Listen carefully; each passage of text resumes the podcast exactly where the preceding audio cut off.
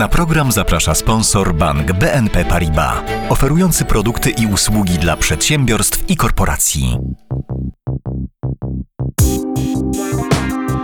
Puls biznesu do słuchania. Dzień dobry, Małgorzata Grzegorczyk. To jest Puls biznesu do słuchania. Dwucyfrowa inflacja, szalejące ceny energii, o których za chwilę każdy przekona się na własnej skórze, groźba spowolnienia gospodarczego, czyli być może utraty pracy, nawet największy optymista zastanawia się dziś, jak to będzie. Sporo osób myśli o cięciu kosztów. W tym podcaście usłyszycie o kilkunastu sposobach, jak wydawać mniej na prąd i ogrzewanie. Ale zaciskanie pasa to nie tylko wyrzeczenia. Można przy okazji pomyśleć o inwestycjach. Można skorzystać z wakacji kredytowych, a zaoszczędzone pieniądze wykorzystać do nadpłaty kredytu. Można je też zainwestować i podpowiadamy, w którym banku oszczędzać, a w co wkładać pieniądze. Zapraszam na podcast Polacy zaciskają pasa.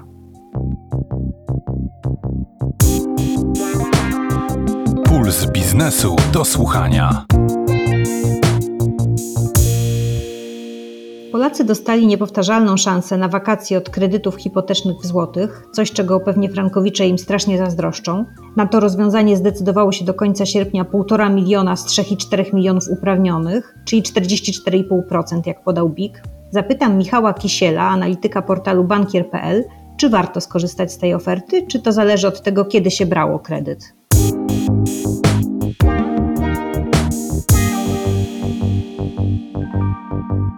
Rzadko się zdarza, że stajemy przed jakimś wyborem, który jest prawie oczywisty. I tutaj do czynienia mamy właśnie z taką sytuacją. Otóż wakacje kredytowe opłacają się w zasadzie wszystkim, niezależnie od tego, w jakiej formule wzięli kredyt hipoteczny i kiedy go zaczęli spłacać.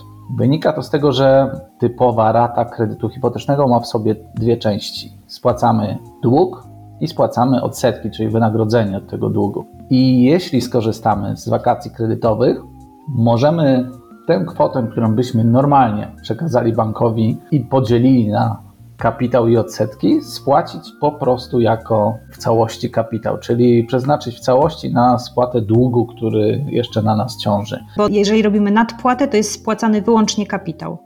Tak jest. Plus odsetki, które narosły od czasu ostatniej raty. To jest taki drobny szczegół, który niektórych czasem dziwi, ale powiedzmy, że techniczny. Natomiast no, myślę, że warto podkreślić, że konstrukcja wakacji kredytowych, tych, z którymi teraz mamy do czynienia, zakłada, że bank nie może naliczać odsetek za ten czas, kiedy zawieszamy sobie spłatę. A więc możemy to sobie wyobrazić jako takie zawieszenie biegu czasu, prawda, naszej umowy kredytowej, bo ona automatycznie się wydłuża o ten czas, przez który sobie zawiesiliśmy spłaty rat kredytu. A więc y, w tym czasie bank nie robi nic, natomiast środki, które byśmy przeznaczyli normalnie na spłatę rat, możemy wykorzystać w inny sposób, w tym także y, na nadpłatę kredytu hipotecznego. I jak już robimy tę nadpłatę, to co się bardziej opłaca? Wydłużyć ten kredyt o te 8 miesięcy, kiedy nie płaciliśmy rat, czy może skrócić ten kredyt? Takie dwie opcje, przed którymi stajemy, to po pierwsze obniżenie raty, czyli pozostaje okres spłaty bez zmian, natomiast y, decydujemy się na to, żeby nie zmieniając terminu obniżyć ratę, no bo spłaciliśmy ponadprogramowo część długu, a druga opcja to skrócenie okresu spłaty, przy czym raty pozostają takie, jak pozostawały do tej pory.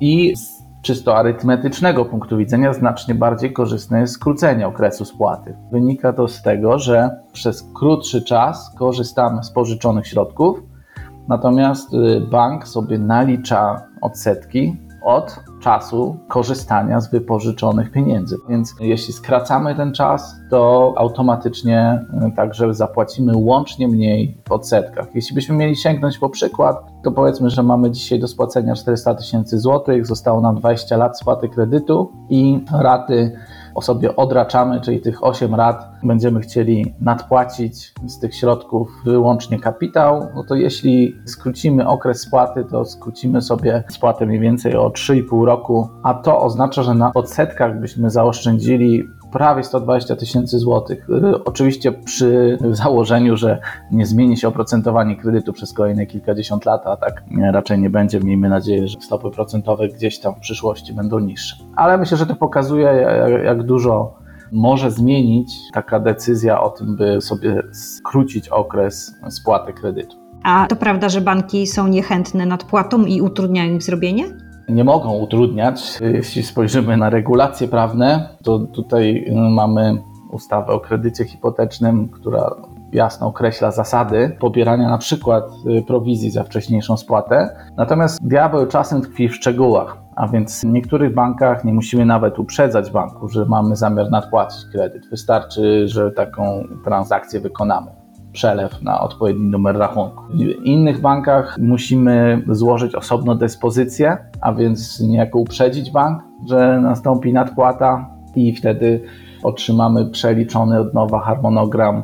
Czasem dodatkowo trzeba jeszcze poinformować, według jakiej formuły chcemy się dalej rozliczać. No i są instytucje, które sobie życzą, by nadpłacać w ściśle określonym momencie, więc spotykaliśmy się z sygnałami, zwłaszcza od kredytobiorców takiego starszego portfela, nazwijmy to, że w niektórych starszych umowach kredytowych no, pojawia się jeszcze coś takiego, że trzeba trafić niejako w dzień rozliczenia raty. A więc e, jeśli uznać tego typu problemy techniczne za utrudnienia, no to faktycznie bywa prościej, w niektórych instytucjach bardzo, bardzo prosto i bywa trochę trudniej, ale jest to coś, z czym powinien sobie każdy poradzić, a najlepiej oczywiście zacząć od, od kontaktu z bankiem bo powinien udzielić informacji wyczerpującej, w jaki sposób taka nadpłata powinna wyglądać. A z braniem wakacji kredytowych były jakieś problemy, czy raczej to szło gładko?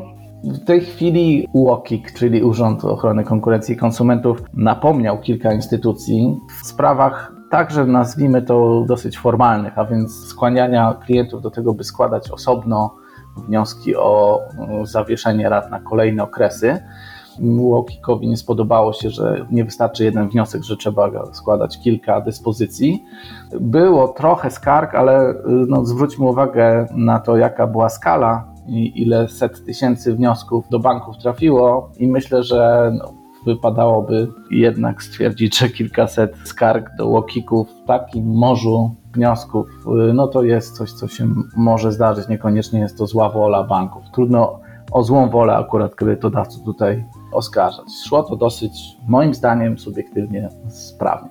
A z perspektywy osoby, która jeszcze nie ma tego kredytu hipotecznego, to czy teraz jest dobry moment, żeby taki kredyt brać, bo są informacje o tym, że spadło zainteresowanie kredytami, więc zastanawiam się, czy banki może zaczną walczyć o klientów i będą jakieś atrakcyjne oferty. Myślisz, że warto teraz brać ten kredyt, czy warto poczekać?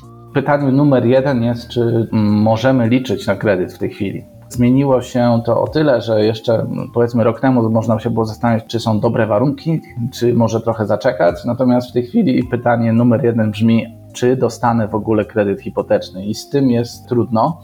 Natomiast osoby, które w tej chwili mają zdolność, no, mogą liczyć na warunki, które są sporo lepsze niż te, które chociażby rok temu na rynku się pojawiały, zwłaszcza gdy w grę wchodzi większy wkład własny, większa kwota kredytu, a więc jesteśmy, krótko mówiąc, atrakcyjnym klientem z punktu widzenia banku.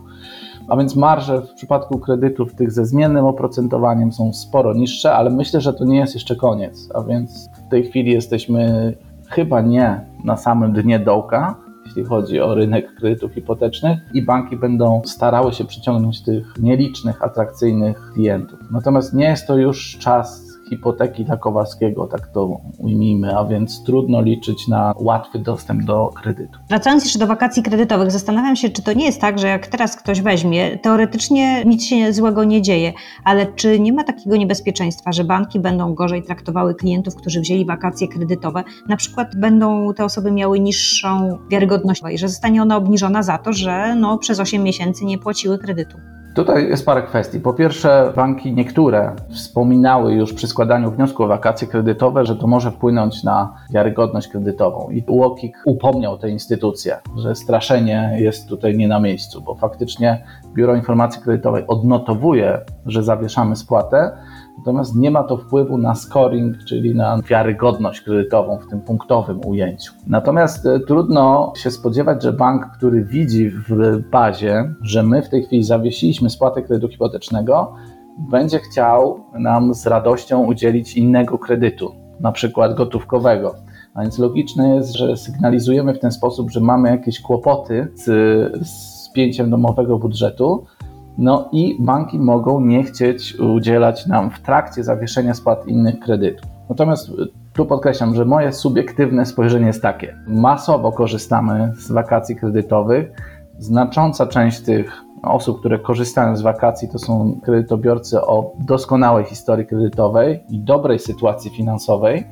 I myślę, że banki nie będą utrudniać znacząco dostępu do kredytu tym osobom, które z wakacji korzystają, dlatego że w ten sposób same by się pozbawiły dostępu do atrakcyjnej części rynku, a więc może będzie powiedzmy takie przytkanie wniosków kredytowych od osób, które w danym momencie korzystają z wakacji, chociaż tutaj pewnie bardziej agresywne banki na rynku mogą zrobić wyjątki, ale później wątpię, żeby epizod skorzystania z wakacji kredytowych jakoś wpłynął na łatwość dostępu do kredytu. Banki raczej nie będą mogły sobie na to pozwolić, by tak dużą grupę potencjalnych klientów z rynku sobie usunąć. Wielkie dzięki. Naszym gościem był Michał Kisiel, analityk portalu bankier.pl. Dziękuję bardzo.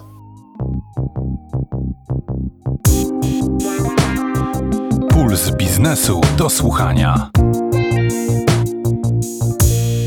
Rozmawialiśmy przed chwilą o wakacjach kredytowych, które pozwalają odłożyć przynajmniej na 8 miesięcy kilkanaście tysięcy złotych. Gdzie ulokować te pieniądze? Stopy procentowe skoczyły, ale banki jak zwykle nie spieszą się aż tak bardzo z zmianami w tę stronę. Poszukamy teraz najlepszych lokat i kont oszczędnościowych, a pomoże nam Bartłomiej Borucki z firmy rankomat.pl. Który bank ma obecnie najciekawsze konto oszczędnościowe?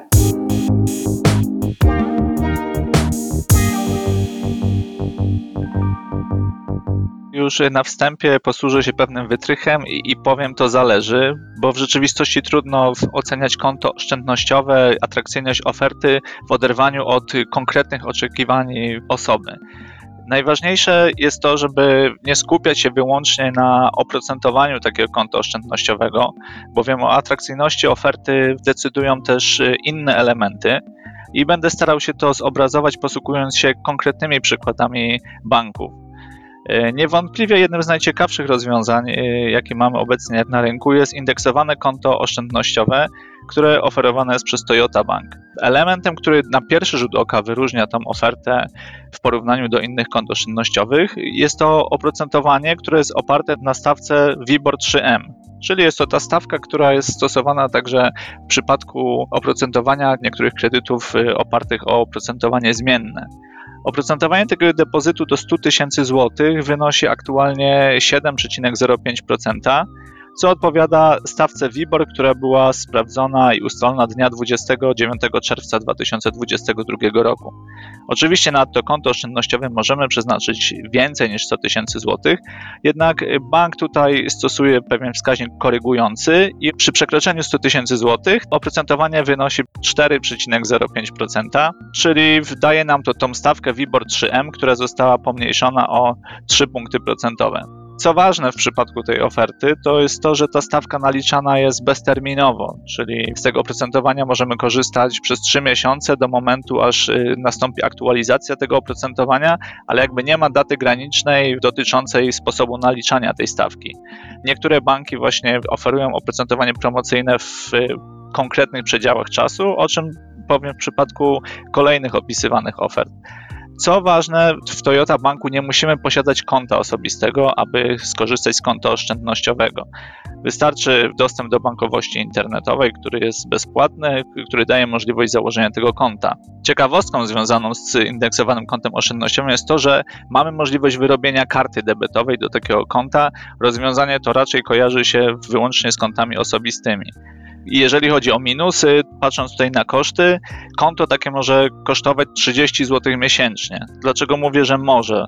Opłata ta jest zwracana, jeśli w danym miesiącu nie wypłacimy żadnych pieniędzy z rachunku. Czyli jeżeli chcemy przeznaczyć te środki na konto oszczędnościowe w Toyota Banku i nie zamierzamy ich ruszać, to w ogólnym rozrachunku zapłacimy za to konto 30 zł, ale tylko raz, kiedy będziemy wypłacać wszystkie zgromadzone na tym koncie oszczędności.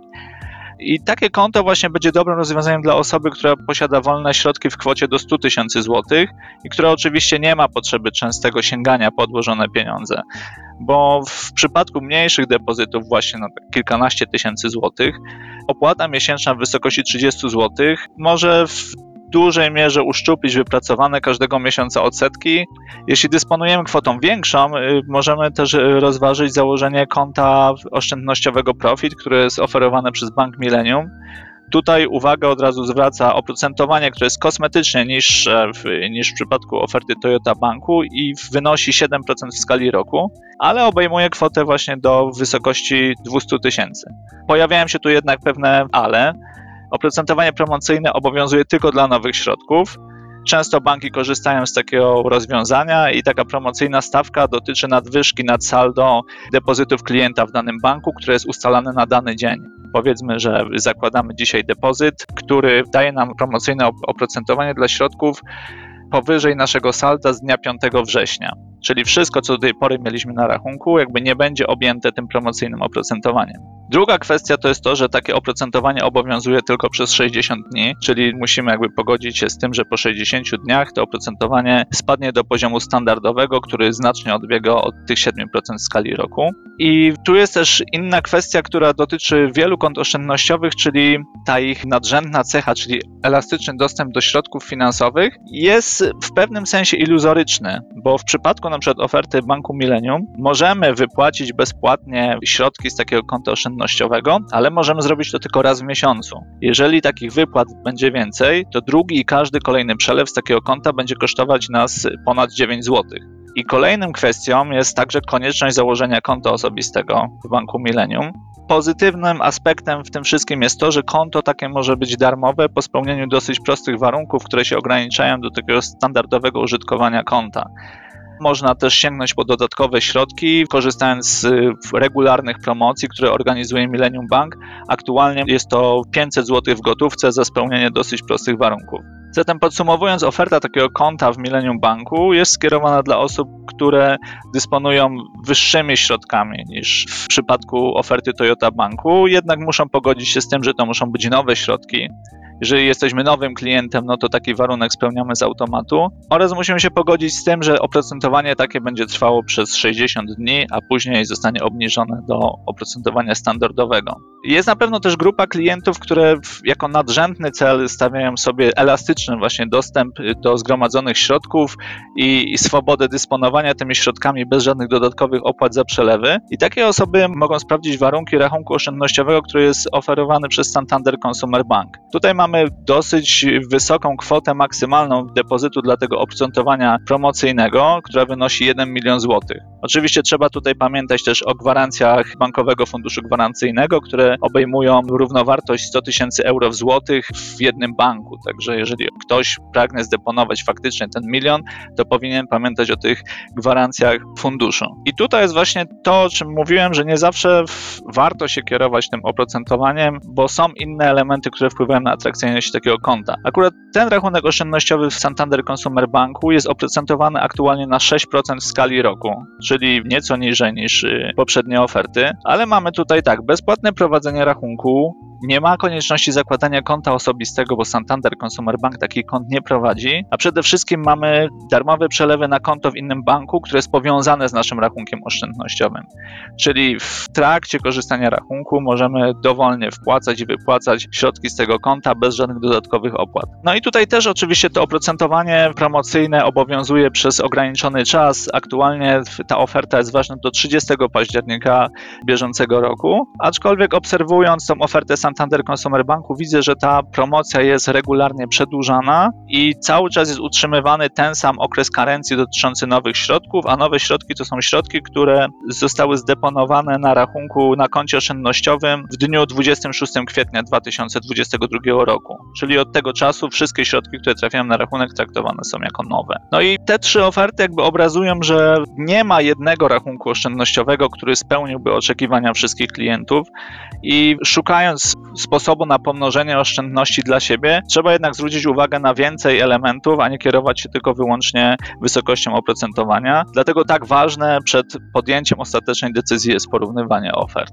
Co by Pan polecił osobie, która skorzystała z wakacji kredytowych i teraz przez 8 miesięcy będzie mogła odłożyć jakieś pieniądze? To z czego powinna skorzystać, z jakiej oferty? Jeżeli nie zdecydujemy się przeznaczyć y, zaoszczędzonych w ten sposób środków na bieżącą nadpłatę naszego kredytu hipotecznego, ale też y, jakby nie jesteśmy zwolennikami przeznaczenia tych środków na taką bezrefleksyjną konsumpcję, to możemy spróbować zaangażować ten kapitał do pracy. No i tutaj z uwagi na dużą zmienność i niepewność na rynkach kapitałowych, to osoby bez odpowiedniego doświadczenia i wiedzy powinny się skupić bardziej na bezpiecznych sposobach pomnażania oszczędności. No i oprócz wspomnianych tutaj wcześniej przeze mnie kont oszczędnościowych, możemy skorzystać równolegle z bogatej oferty lokat. Obecnie wiele banków oferuje nam depozyty terminowe z oprocentowaniem na 7% i wyższym w skali roku, a w ubiegłym tygodniu nawet jeden z banków, Credit Agricole, wyznaczył nowy pułap, oferując swoim klientom lokatę z oprocentowaniem na poziomie 8% w skali roku.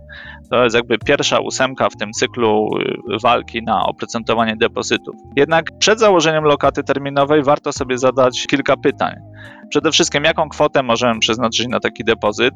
Bo wiąże się to z tym, że kwota ta będzie zamrożona. To musimy pamiętać o tym, że zrywając lokatę przed czasem, najczęściej tracimy wszystkie wypracowane odsetki lub zdecydowaną ich część, czyli bank na przykład wypłaci nam 0,01% zamiast tych 7%. I też często musimy stanąć przez dylematem, czy zakładając y, taką lokatę, jesteśmy gotowi na otwarcie konta osobistego, bo często właśnie ta promocyjna lokata jest też takim wabikiem, który ma skłonić klienta do tego, żeby skorzystał też z innych produktów danego banku. No właśnie, czy opłaca się zakładać konta w kolejnych bankach po to, żeby skorzystać z jakichś promocji? Tutaj od razu nasuwa się takie zdanie, które pojawia się w kampaniach reklamowych jednego z dużego banków i powiem tak i nie, bo jeśli nasze dotychczasowe konto spełnia nasze oczekiwania, a ten nowy rachunek ma służyć ulokowaniu oszczędności, które odpowiadają sumie kilku rat kredytowych, to warto się zastanowić e, w gruncie rzeczy nad takim krokiem. Bo ja tu się posłużę przykładem. Przykładowo, jak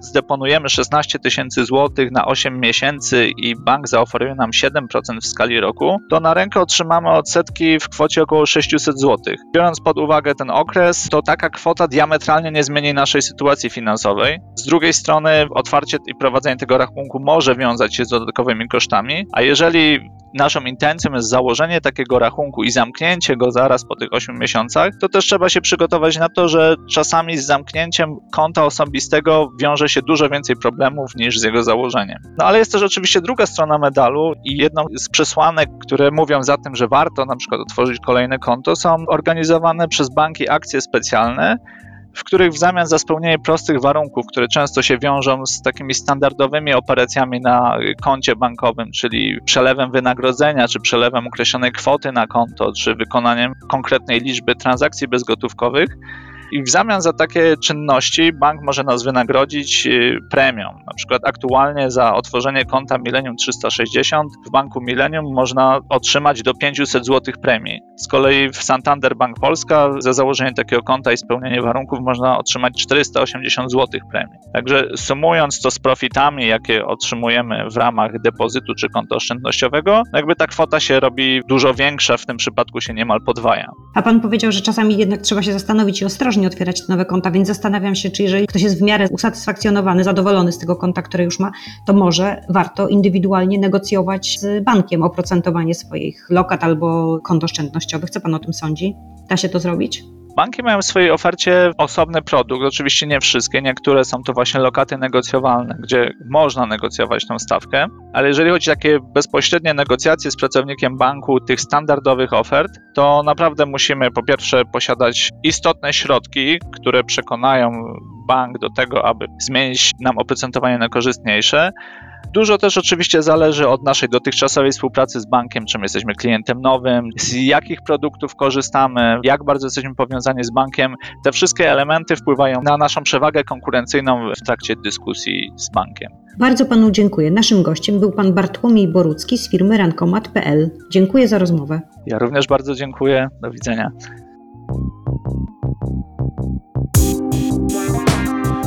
Puls biznesu do słuchania. Rozmawiamy o tym, jak oszczędzać w czasie kryzysu i co zrobić z pieniędzmi, o ile uda nam się jakieś odłożyć. To może być lokata, ale może warto inwestować w złoto albo w waluty. Porozmawiamy o tym z Aleksandrem Pawlakiem, prezesem firmy Tavex, która jest dealerem metali szlachetnych i oferuje usługi wymiany walut. Zacznijmy od tego, czy Polacy w ogóle oszczędzają, czy może nie mają z czego odkładać. Co wynika z badań pana firmy?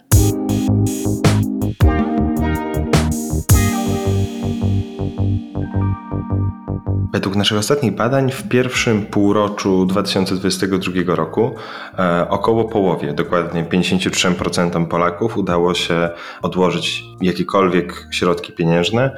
Także no jest to wynik z jednej strony pozytywny, bo przy takich warunkach makroekonomicznych, jakie mamy w dalszym ciągu, większość Polaków jest w stanie oszczędzać, a z drugiej, no oczywiście, im wyższy ten odsetek by był, tym lepiej. Kto oszczędza najchętniej? To, co w pierwszej chwili tak intuicyjnie jest zaskakujące, to to, że najczęściej oszczędzają ludzie młodzi. Tutaj ponad 70% osób w wieku 18-24 lata zaoszczędziło pieniądze w pierwszej chwili nieintuicyjne, no bo wydaje się, że oszczędzanie jest raczej domeną starszych. Z drugiej strony młodzi przez to, że stosunkowo najrzadziej są obciążeni kredytami hipotecznymi, stosunkowo często mieszkają jeszcze z rodzicami, przez te ograniczone koszty mają po prostu możliwość e, zaoszczędzenia jakichkolwiek kwot pieniędzy. A jak się już uda zaoszczędzić, to w co Polacy inwestują? Jeśli chodzi o to w co, no to pozostają niezmiennie na czele lokaty, nieruchomości i złoto. Natomiast to inwestowanie nie jest powszechne, bo inwestujących mamy około 14% Polaków.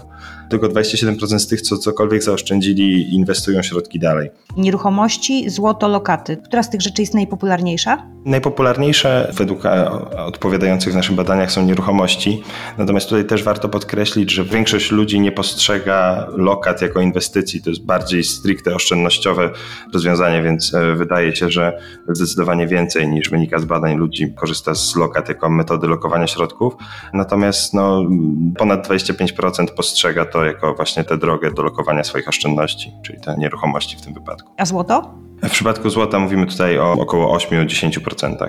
A właśnie, czy w ogóle opłaca się zostawiać pieniądze na lokacie, skoro teraz banki kuszą nas 6 czy 7%, a przecież inflacja jest dużo wyższa? Odnotowaliśmy zdecydowaną poprawę, jeśli chodzi o nominalne e, oprocentowanie depozytów. Warto pamiętać, że jeszcze pół roku temu, rok temu dominowały oferty na 0,1%. Jest to zdecydowanie fakt, że mamy ujemne realne stopy procentowe, czyli to jest dokładnie to, co Pani powiedziała. Oszczędności z lokaty nie przynoszą odsetek pokrywających utratę wartości. Tutaj jest taka kwestia, że pewną pulę środków każdy chce mieć możliwie płynną, czy to jest ta poduszka rzędu tam jednego, dwóch wynagrodzeń, no to zdecydowanie lepiej, jeśli to leży na takiej lokacie tam rzędu 5-7% niż by w ogóle nie pracowało. Natomiast nie zmienia to faktu, że faktycznie po raz pierwszy we współczesnej historii Polski tak naprawdę lokaty nie gwarantują przechowania wartości i to trzeba głośno powiedzieć. A w co inwestuje prezes takiej firmy właśnie jak Tavex? Jakby pan miał do dyspozycji, no powiedzmy 10 tysięcy złotych, 50 tysięcy złotych albo 100 tysięcy złotych, to jakie by pan wybrał y, sposoby zainwestowania tych pieniędzy? 子 Chciałbym troszkę może coś mało popularnego powiedzieć, ale wydaje mi się, że to nie ma większego znaczenia, w co zainwestujemy taką kwotę, z tego względu, że to, co jest kluczowe, mając takie oszczędności, no to to, żeby mieć możliwość ich powiększania, tak? Czyli tutaj zainwestowałbym w siebie, w szkolenia jakieś, w kursy, ewentualne nadwyżki zainwestował siłą rzeczy w złoto. Jakby tutaj złoto postrzegam jako takie rozwiązanie, które z jednej strony jest mało angażujące dla inwestora, no bo kupujemy to złoto już nigdy, nic więcej z nim nie musimy robić, ono po prostu leży i czeka na, na nasze kolejne decyzje. Jeśli wynajmujemy mieszkanie, no to zdecydowanie warto rozważyć przeznaczenie tych oszczędności na wkład własny, na kredyt hipoteczny. Bardzo mi się podoba Pana pomysł, żeby inwestować w siebie. A jak jest ze złotem? Czy to jest tak, że jest Pan pewien, że złoto będzie drożało? Powiem tak, w krótkim okresie oczywiście nikt takiej pewności nie jest w stanie dać. Tutaj krótkoterminowe ruchy złota są absolutnie poza moją mocą, poza moim wpływem. Tutaj mogę odsyłać tylko do, do analityków technicznych. Natomiast jeśli chodzi o taką fundamentalną wartość, to tak, uważam, że złoto niezmiennie pozostaje doskonałą opcją na to, żeby przenieść wartość w czasie. Tutaj nikt, kto oferuje, proponuje złoto, nie obiecuje, że zostaniemy milionerami, a to nie są inwestycje, które generują jakieś ponadprzeciętne stopy zwrotu, natomiast dają nam spokój ducha i nie angażują nas po prostu. No bo weźmy sobie dla alternatywy nieruchomość, którą kupujemy, żeby komuś wynajmować. No to musimy znaleźć najemcę, e, musimy odprowadzać co miesiąc zaliczki na podatek, musimy co jakiś czas wyremontować to mieszkanie. No jest to dosyć czasochłonne, angażujące, podnoszące też poziom ryzyka w pewnym sensie. No w przypadku złota nie mamy tych dylematów, po prostu raz je kupimy, ono jest i czeka na nas.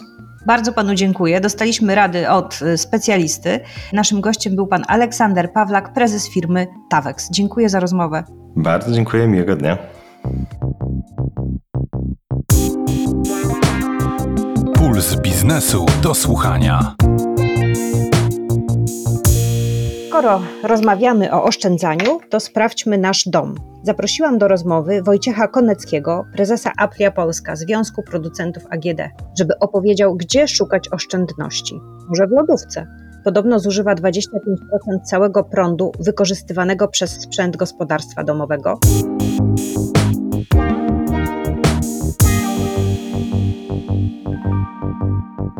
Faktycznie, lodówka jest urządzeniem, które zużywa najwięcej prądu w naszych gospodarstwach domowych. Jest to około 30%, faktycznie, jak powiedziałaś, ponad 25%, mimo że lodówki są coraz bardziej efektywne energetycznie i mimo że w naszych gospodarstwach domowych pojawiło się też wiele nowych urządzeń. A jeżeli ktoś by chciał zacząć oszczędzać właśnie na zużyciu prądu, to czy jedynym sposobem jest wymiana sprzętu na najnowszy, ten, który ma tam najwięcej tych literek A? Nie ukrywam, że taka wymiana jest najbardziej korzystna, ponieważ sami sobie nie zdajemy sprawy, jak stare urządzenia potrafią zużywać prąd i jakimi są smokami energetycznymi. I tutaj absolutnie nie radziłbym, żeby się chwalić, iż mamy w domach 20 czy 30-letnie wyroby, ponieważ one zużywają dużo więcej prądu niż nam się wydaje, niż to jest nawet oznaczone na tabliczkach znamionowych. No to są, tak jak powiedziałem, smoki energetyczne. Najlepiej wymienić jeszcze działające urządzenie, ponieważ jest to zgodne też i z ekologią, ponieważ mamy bardzo dobrze rozwinięty system elektrorecyklingu, ale zdaję sobie sprawę, że nie każdego stać na wymianę tych urządzeń, chociaż tutaj naciskałbym na, żeby wymienić te najstarsze czy najbardziej zżerające prąd. Ale można też oczywiście przypatrzeć się temu, co mamy, i zaraz tutaj bym powiedział, które wyroby powinny być i w jaki sposób e, używane, ale też fajnie zobaczyć, jaką mamy, czy mamy możliwość podłączenia taryfy nocnej lub e, weekendowej. To też jest e, bardzo ciekawe rozwiązanie. No możemy oczywiście kontrolować zużycie tej energii, co każdemu polecam, zalecam i żeby spojrzał na licznik i czasami notował odpowiednie wielkości. Możemy mieć e, już w nowoczesnych licznikach e, odpowiedni software, aplikację, która nam w tym pomoże. Na pewno trzeba wymienić żarówki na te nowoczesne LEDowe, ale chyba nie wiem, czy jeszcze ktoś jest czy jest jakieś gospodarstwo domowe, które tego nie zrobiło, ponieważ to jest e, również e, duży generator e, zużycia prądu. Na pewno nie wolno przegrzewać domów, trzeba brać prysznicę z perlatorem, no i oczywiście kontrolować to jednostkowe zużycie poszczególnych wyrobów, a tutaj, tak jak wspomniałaś, lodówki są najbardziej takie wrażliwe i zalecałbym, jeśli mogę teraz dać kilka takich porad. No oczywiście się bije w piersi, że z tej całej listy, którą teraz wymienię, takich dobrych nawyków, to może nie, też nie wszystko stosuję, ale staram się przynajmniej.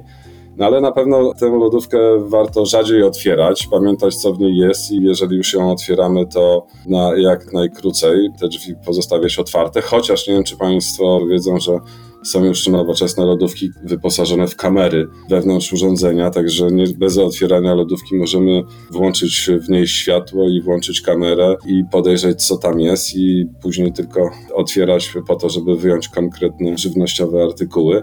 Warto, żeby jak już e, urządzamy dom czy mieszkanie, żeby ta lodówka była usytuowana nie przy źródłach ciepła, tak jak piekarnik czy zmywarka, ponieważ wtedy więcej sama lodówka pobiera prądu. No i te lodówki e, starsze, starszego typu, które nie są lodówkami tak zwanymi no frost, czyli bez lodu, czyli warto by je rozmrażać częściej niż nam się to zwykle wydaje, ponieważ takie każde 10 centymetrów lodu w środku wewnątrz e, zamrażarki to jest 30% e, większe zużycie prądu. Także to jest nieprawdopodobna różnica.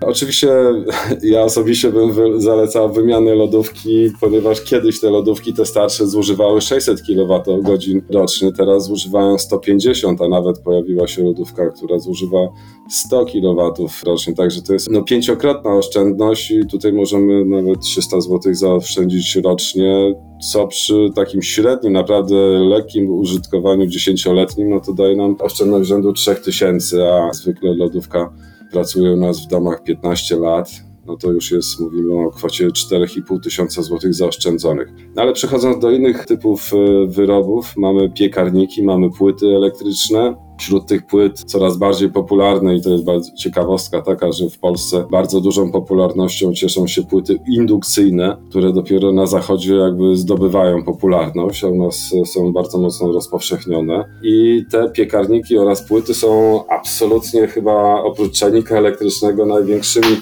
pożeraczami prądu i na nie trzeba zwrócić uwagę. Pożeraczami większymi nawet niż lodówka, z tym, że zaznaczam, że lodówka pracuje non-stop, a piekarnik włączamy czy płytę raz na jakiś czas. Tylko, że jeżeli już włączamy, no i tutaj takie są trochę moje pobożne życzenia.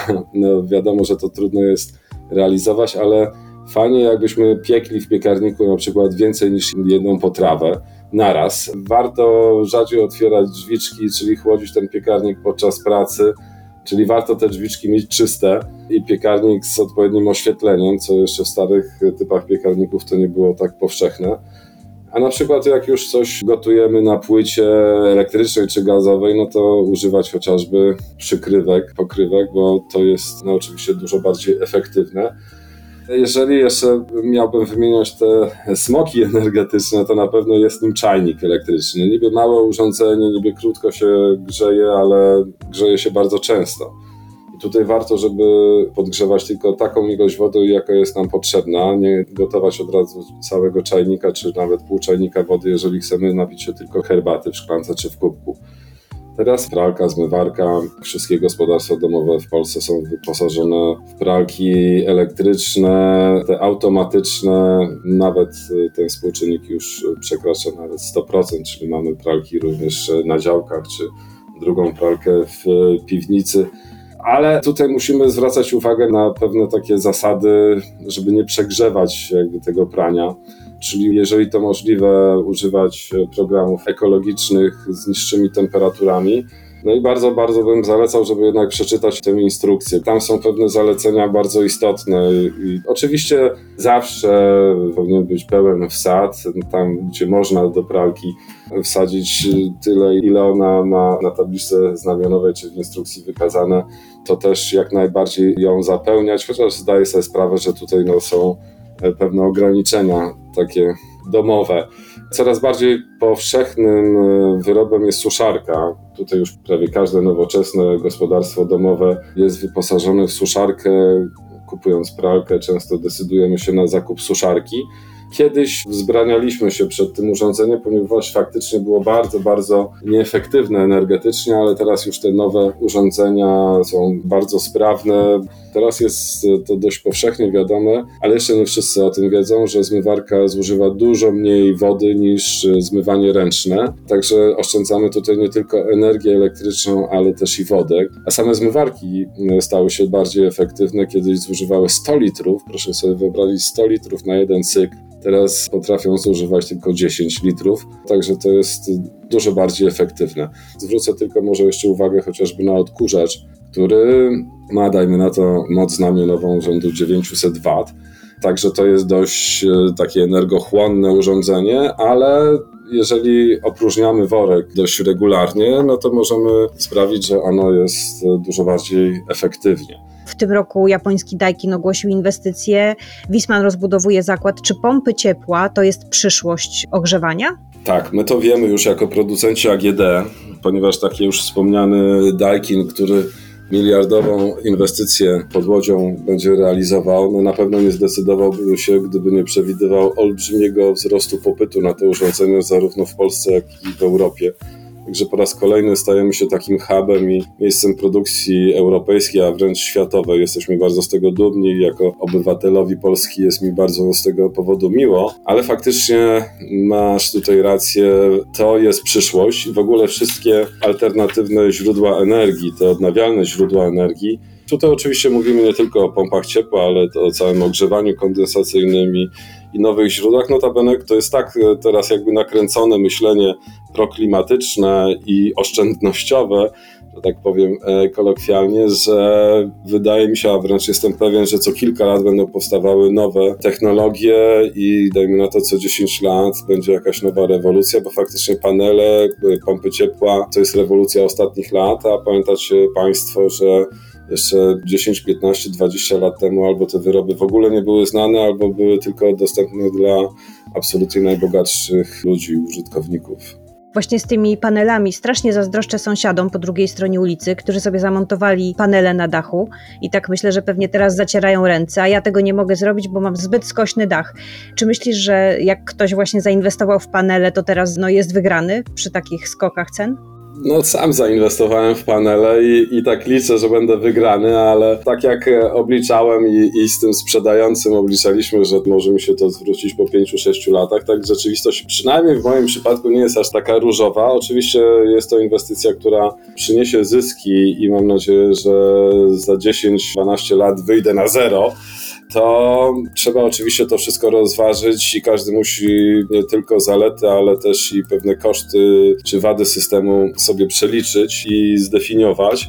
Namawiam, żeby montować panele fotowoltaiczne, bo sam to zrobiłem, tylko oczywiście trzeba zwrócić uwagę, czy nie ma drzew w okolicy, czy chociażby instalacje odbioru są drożne, ponieważ w moim przypadku transformatory podmiejskie nie nadążają z odbiorem e, produkowanej energii przez okolicznych sąsiadów, przeze mnie i przez sąsiadów, także mój falownik się wyłącza co chwilę. Wiadomo, że ludzie, osoby mieszkające w blokach mają dużo, dużo mniejsze możliwości. To są bardzo na razie nieliczne instalacje na osiedlach. Trzeba się liczyć oczywiście z tym, że sieci energetyczne odbierają tylko 80%, albo inaczej, możemy rozliczyć tylko 80% tego, co produkujemy. Trzeba się liczyć z tym, że trzeba będzie wydatkować jakieś środki na konserwację tego sprzętu. Proszę mnie nie zrozumieć, że krytykuję cały ten system, ponieważ jeszcze przy systemie dotacji oraz odliczeń podatkowych wydaje mi się, że jest to bardzo, bardzo nadal korzystne i Polska stała się jednym z trzech krajów, w których ilość instalacji fotowoltaicznych rośnie. Jest to nie tylko moda, jest to też konieczność dnia i czasów y, obecnych, a w zeszłym roku zamontowaliśmy 200 tysięcy ton, bo tutaj powiem w tonach, paneli fotowoltaicznych to jest gigantyczna ilość i widać, że to, to chwyciło. Z tym, że to ocieplenie domu przynosi największe korzyści pod względem finansowych wydatków i to jest najbardziej opłacalna inwestycja w oszczędność energii jako takiej, nie energii już elektrycznej, bo wiadomo, że mamy różne rodzaje energii, ale faktycznie ocieplenie domu przynosi najlepsze efekty. I tutaj chciałem zwrócić uwagę, no, że cała polityka państwa, ale też, też nasze podejście do oszczędzania, takie świadome, rozpoczęło się no, kilkanaście lat temu. Ociepliliśmy domy wtedy styropianem, wełną, styropian to był 10 cm, później 12-15 cm, teraz nawet 20 cm i faktycznie to przynosi efekty największe z możliwych.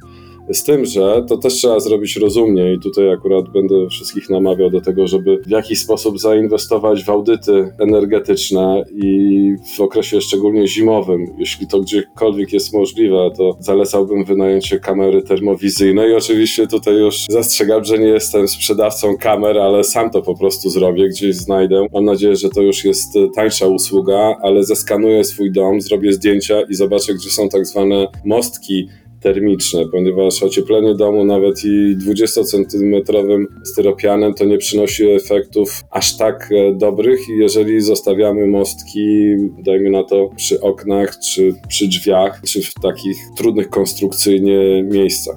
Ale to jest przyszłość, absolutnie. Bardzo dziękuję za wszystkie rady, za to, że podzieliłeś się z nami informacjami o sposobach oszczędzania. Naszym gościem był Wojtek Konecki, prezes Aplia Polska, Związku Producentów AGD. Dziękuję uprzejmie. Puls biznesu do słuchania. Prezes Związku Producentów AGD opowiedział, jak oszczędzać energię w domu. Jeszcze więcej możemy się dowiedzieć od dr Agaty Stasik z Katedry Zarządzania w Społeczeństwie Sieciowym na Akademii Leona Koźmińskiego. Jest ona współautorką badania przeprowadzonego w kilkunastu mieszkaniach i domach w Warszawie, w ramach którego zamontowano liczniki energii, a eksperci dawali mieszkańcom rady, jak oszczędzać.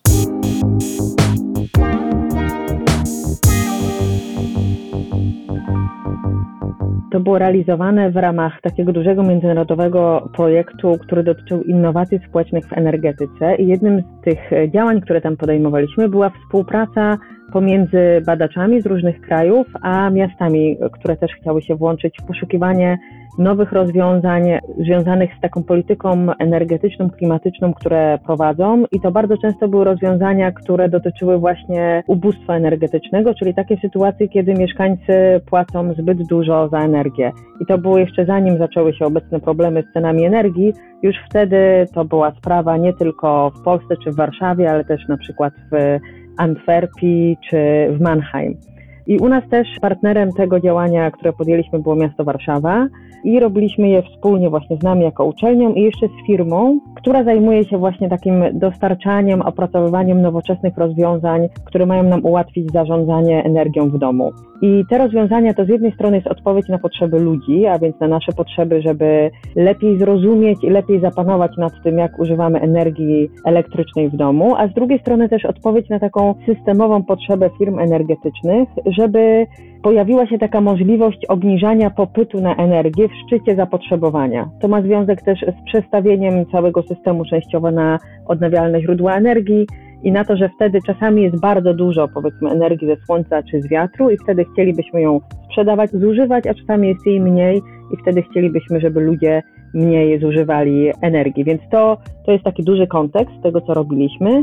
A konkretnie to zaprosiliśmy chętnych uczestników, którzy zgodzili się na to, żeby zamontować u nich w domu takie urządzenia, które pozwalały nam zbierać dane o ich zużyciu energii w czasie rzeczywistym. I potem analizować to i dawać im różne wskazówki, tak żeby mogli zobaczyć, co w zasadzie się dzieje i zdecydować, czy i co chcą zmienić na podstawie też takich bardzo konkretnych, szytych na miarę rekomendacji. A jakie to były na przykład rekomendacje? To czasami były takie rzeczy, które tak naprawdę wszyscy pewnie wiemy, bo znamy takie ogólne rady związane z e, używaniem energii, ale jednak nie zawsze mamy taką uważność, żeby odnieść to do siebie, a kiedy ktoś nam powie, hej, widzę, że to robisz, możesz to zmienić, to działa lepiej. Więc na przykład używanie czajnika rano w domu, kiedy kilka osób zaczyna poranek i każdy sobie tam zagotuje pół szklanki wody, potem o tym zapomni ostatecznie ten czajnik używamy powiedzmy 7 razy zamiast raz, a dobrze. I to tak naprawdę już jest, jest spore zużycie, bo to jest, energia, to jest takie urządzenie z dużą mocą, więc to jest coś, co można zmienić, co można inaczej zaplanować i po prostu nie gotować wody na herbatę rano pięć razy, tylko raz. I to już jest e, różnica. Więc pewnie każdy z nas to wie, ale nie każdy z nas właśnie potrafi to zauważyć, że to w zasadzie robimy razem. Więc pewna taka unikalność tej metody w porównaniu z takimi bardziej tradycyjnymi, ogólnymi radami dotyczącymi zużycia energii, to jest właśnie to, że ktoś nas niejako obserwował za naszą zgodą i mógł nam konkretnie powiedzieć, e, gdzie możemy się powiedzmy poprawić. A są jakieś takie uniwersalne rady, które dotyczyłyby wszystkich? No bo rozumiem, że w każdym domu jest inaczej, ale może coś, co wszyscy mogliby robić, tak jak pani powiedziała o tym czajniku, to coś jeszcze? Myślę, że na pewno warto zwracać uwagę na kwestię efektywności energetycznej sprzętów, z których korzystamy. To jest kwestia mniejszej lub większej inwestycji, ale no naj, taka najprostsza no to jest kwestia wymiany oświetlenia. Więc jeżeli mamy żarówki, które są takiego powiedzmy starszego typu, bardziej energochłonne, jeżeli je wymienimy na takie najbardziej energooszczędne, to powinniśmy widzieć różnicę. To jest jedna rzecz. Druga rzecz no to jest to, jeżeli planujemy wymienić sprzęt AGD czy RTV albo widzimy, że nasz już no, można by wymienić, to rzeczywiście tutaj zwracanie uwagi na klasę energetyczną też zrobi wielką różnicę, zwłaszcza jeżeli mówimy powiedzmy o lodówce. Więc może być tak, że nam się to dosyć szybko zwróci wymiana lodówki na nową, jeżeli nasza obecnie pochłania bardzo dużo energii. To są na pewno takie ogólne rzeczy, na które każdy powinien zwrócić uwagę. Oczywiście to, że tam trzeba gasić światło, to co nam zawsze na pewno mówiła babcia albo mama, to jest prawda, natomiast rzeczywiście przy bardzo efektywnych energetycznie żarówkach powiedzmy to już nie robi takiej wielkiej różnicy. Bardziej pewnie można zwracać uwagę na te takie sprzęty, które jednak potrzebują więcej energii, takie jak lodówka, powiedzmy czajnik tak naprawdę, mimo że mały, to jednak kiedy już go używamy, to potrzebuje dużo energii. Wiadomo, raczej wkładać pranie wtedy, kiedy pralka jest optymalnie wypełniona, raczej korzystać z tych programów, które też oferują mniejsze zużycie energii. To są pewnie takie ogólne rady, które można dać każdemu, natomiast właśnie to, co dokładnie w naszym domu możemy poprawić, no to to już czasami właśnie te, to nasze badanie pokazało, że czasami tam są też jakieś powiedzmy niespodzianki, a także czasami jakieś takie powiedzmy awarie, które nie były widoczne za bardzo gołym okiem, ale te dane, które otrzymywaliśmy, pozwalały nam zobaczyć, że jakieś urządzenie no właśnie pobiera dużo więcej energii niż powinno i okazało się, że to jest coś, co wymaga naprawy. Więc myślę, że usługa takiego jakby stałego obserwowania zużycia energii jest bardzo ciekawa i ma przyszłość, chociaż o ile mi wiadomo, teraz nie jest jeszcze tak komercyjnie dostępna. Ja w ogóle o niej nie słyszałam, a to jest bardzo ciekawe. Może dodam tylko krótko, że właśnie w tym naszym badaniu to przesyłaliśmy uczestnikom takie raporty z takimi wykresami, które Chcieliśmy, żeby były bardzo czytelne i proste, w przeciwieństwie do tych informacji, które otrzymujemy na rachunku za energię, z których nikt nic nie może zrozumieć. Natomiast docelowo to pewnie by była apka, bo wszyscy pewnie jesteśmy przyzwyczajeni do tej formy otrzymywania informacji, że po prostu widzimy na bieżąco, czy w jakichś zestawieniach, jak wygląda to zużycie energii i z czego wynika. Więc myślę, że to jest coś, co może być naprawdę pomocne i może nam pomóc obniżyć to zużycie nawet o 10-20%. No właśnie, czy łatwo zmienić nawyki? Czyli jeżeli widzę, że mogę tutaj oszczędzić i widzę, że to działa, to czy myśli Pani, że łatwo jest tak się przyzwyczaić do nowych zachowań? Myślę, że to jest skomplikowana sprawa. Na pewno trochę zależy to od tego, na ile te nowe nawyki odbieramy jako jednak jakieś tam trudne czy uciążliwe i oczywiście im bardziej one są trudne, tym też e, jakby mniejsza szansa, że te zmiany będą trwałe. Ale tutaj z kolei też taka na przykład apka, która nam regularnie przypomina o tym, co się dzieje, może być jakimś motywatorem, żeby utrwalić te nawyki pewnie właśnie bardziej niż jeżeli raz przeczytamy na ulotce, że powinniśmy coś zmienić i zapomnimy o tym po trzech dniach, bo jednak wracamy do takich swoich utartych schematów. Więc myślę, że to jest z jednej strony kwestia motywacji i ta motywacja może być związana też z oszczędzaniem. Teraz ona jest pewnie ważniejsza dla wielu osób niż była wcześniej, ale też z uciążliwością tych zmian, bo niektóre wcale nie muszą być uciążliwe, więc to jest tylko kwestia przełamania pewnego przyzwyczajenia. No i właśnie tego, co nam pomaga zmienić te nawyki. Trochę jak, nie wiem, ze zdrowym żywieniem, że jest taki moment, kiedy po prostu wracamy do tego, do czego jesteśmy przyzwyczajeni i tyle, i ten nawyk jest silny. Więc nie mam tu bardzo konkretnej odpowiedzi, na pewno to jest wielki temat. W naszym badaniu one trwało troszeczkę zbyt krótko, żeby coś powiedzieć o trwałości tych zmian, bo one trwało kilka tygodni, a tu pewnie warto by było patrzeć, co się stało za trzy miesiące, za pół roku i za rok tymi nowymi nawykami. A czy te wyniki, mimo że mówi Pani, że badanie trwało krótko, ale czy to, co Państwu wyszło, czy to zostanie gdzieś wykorzystane przez miasto albo właśnie przez tę firmę, która robi te urządzenia? Tak, na pewno te wyniki są cenne dla firmy, dla naszego partnera w tym projekcie i to też tak naprawdę jest zgodne z tym, co sobie planowaliśmy w całym tym badaniu, czyli żeby też wspomagać powstanie takich innowacji społecznych w energetyce, nowych rozwiązań. Więc oni dalej to testują, rozwijają i myślę, że możemy jeszcze o tym usłyszeć w takiej bardziej pełnej formie, dostępnej na normalnym rynku.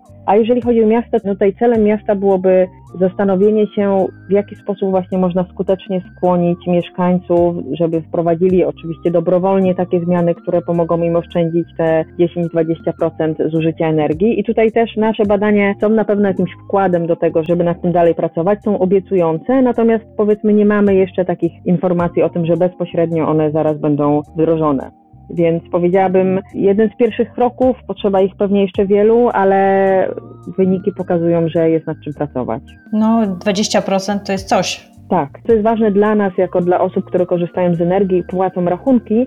To jest też ważne dla miasta, które ma swoją strategię osiągnięcia neutralności klimatycznej w ciągu 30, a w zasadzie 28 lat. I tutaj jednym z kluczy do tego jest właśnie efektywność energetyczna, czyli to, żebyśmy zaspokajali te same potrzeby, ale dużo mniejszym kosztem energetycznym. To jest po prostu jedno z takich strategicznych wyzwań, ważne nie tylko dla nas jako dla jednostek, ale też właśnie dla miast, dla firm, dla instytucji.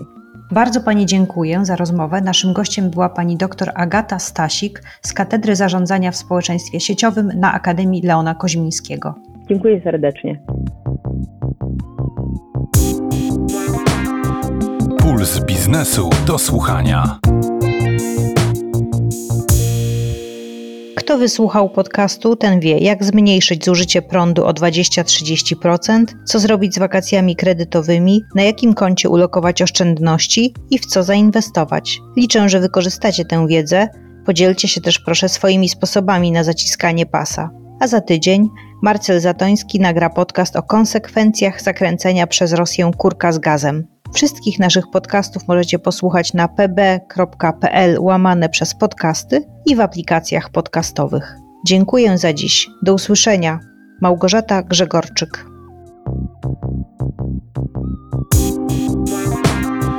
Puls biznesu do słuchania. Na program zapraszał sponsor bank BNP Paribas, oferujący produkty i usługi dla przedsiębiorstw i korporacji.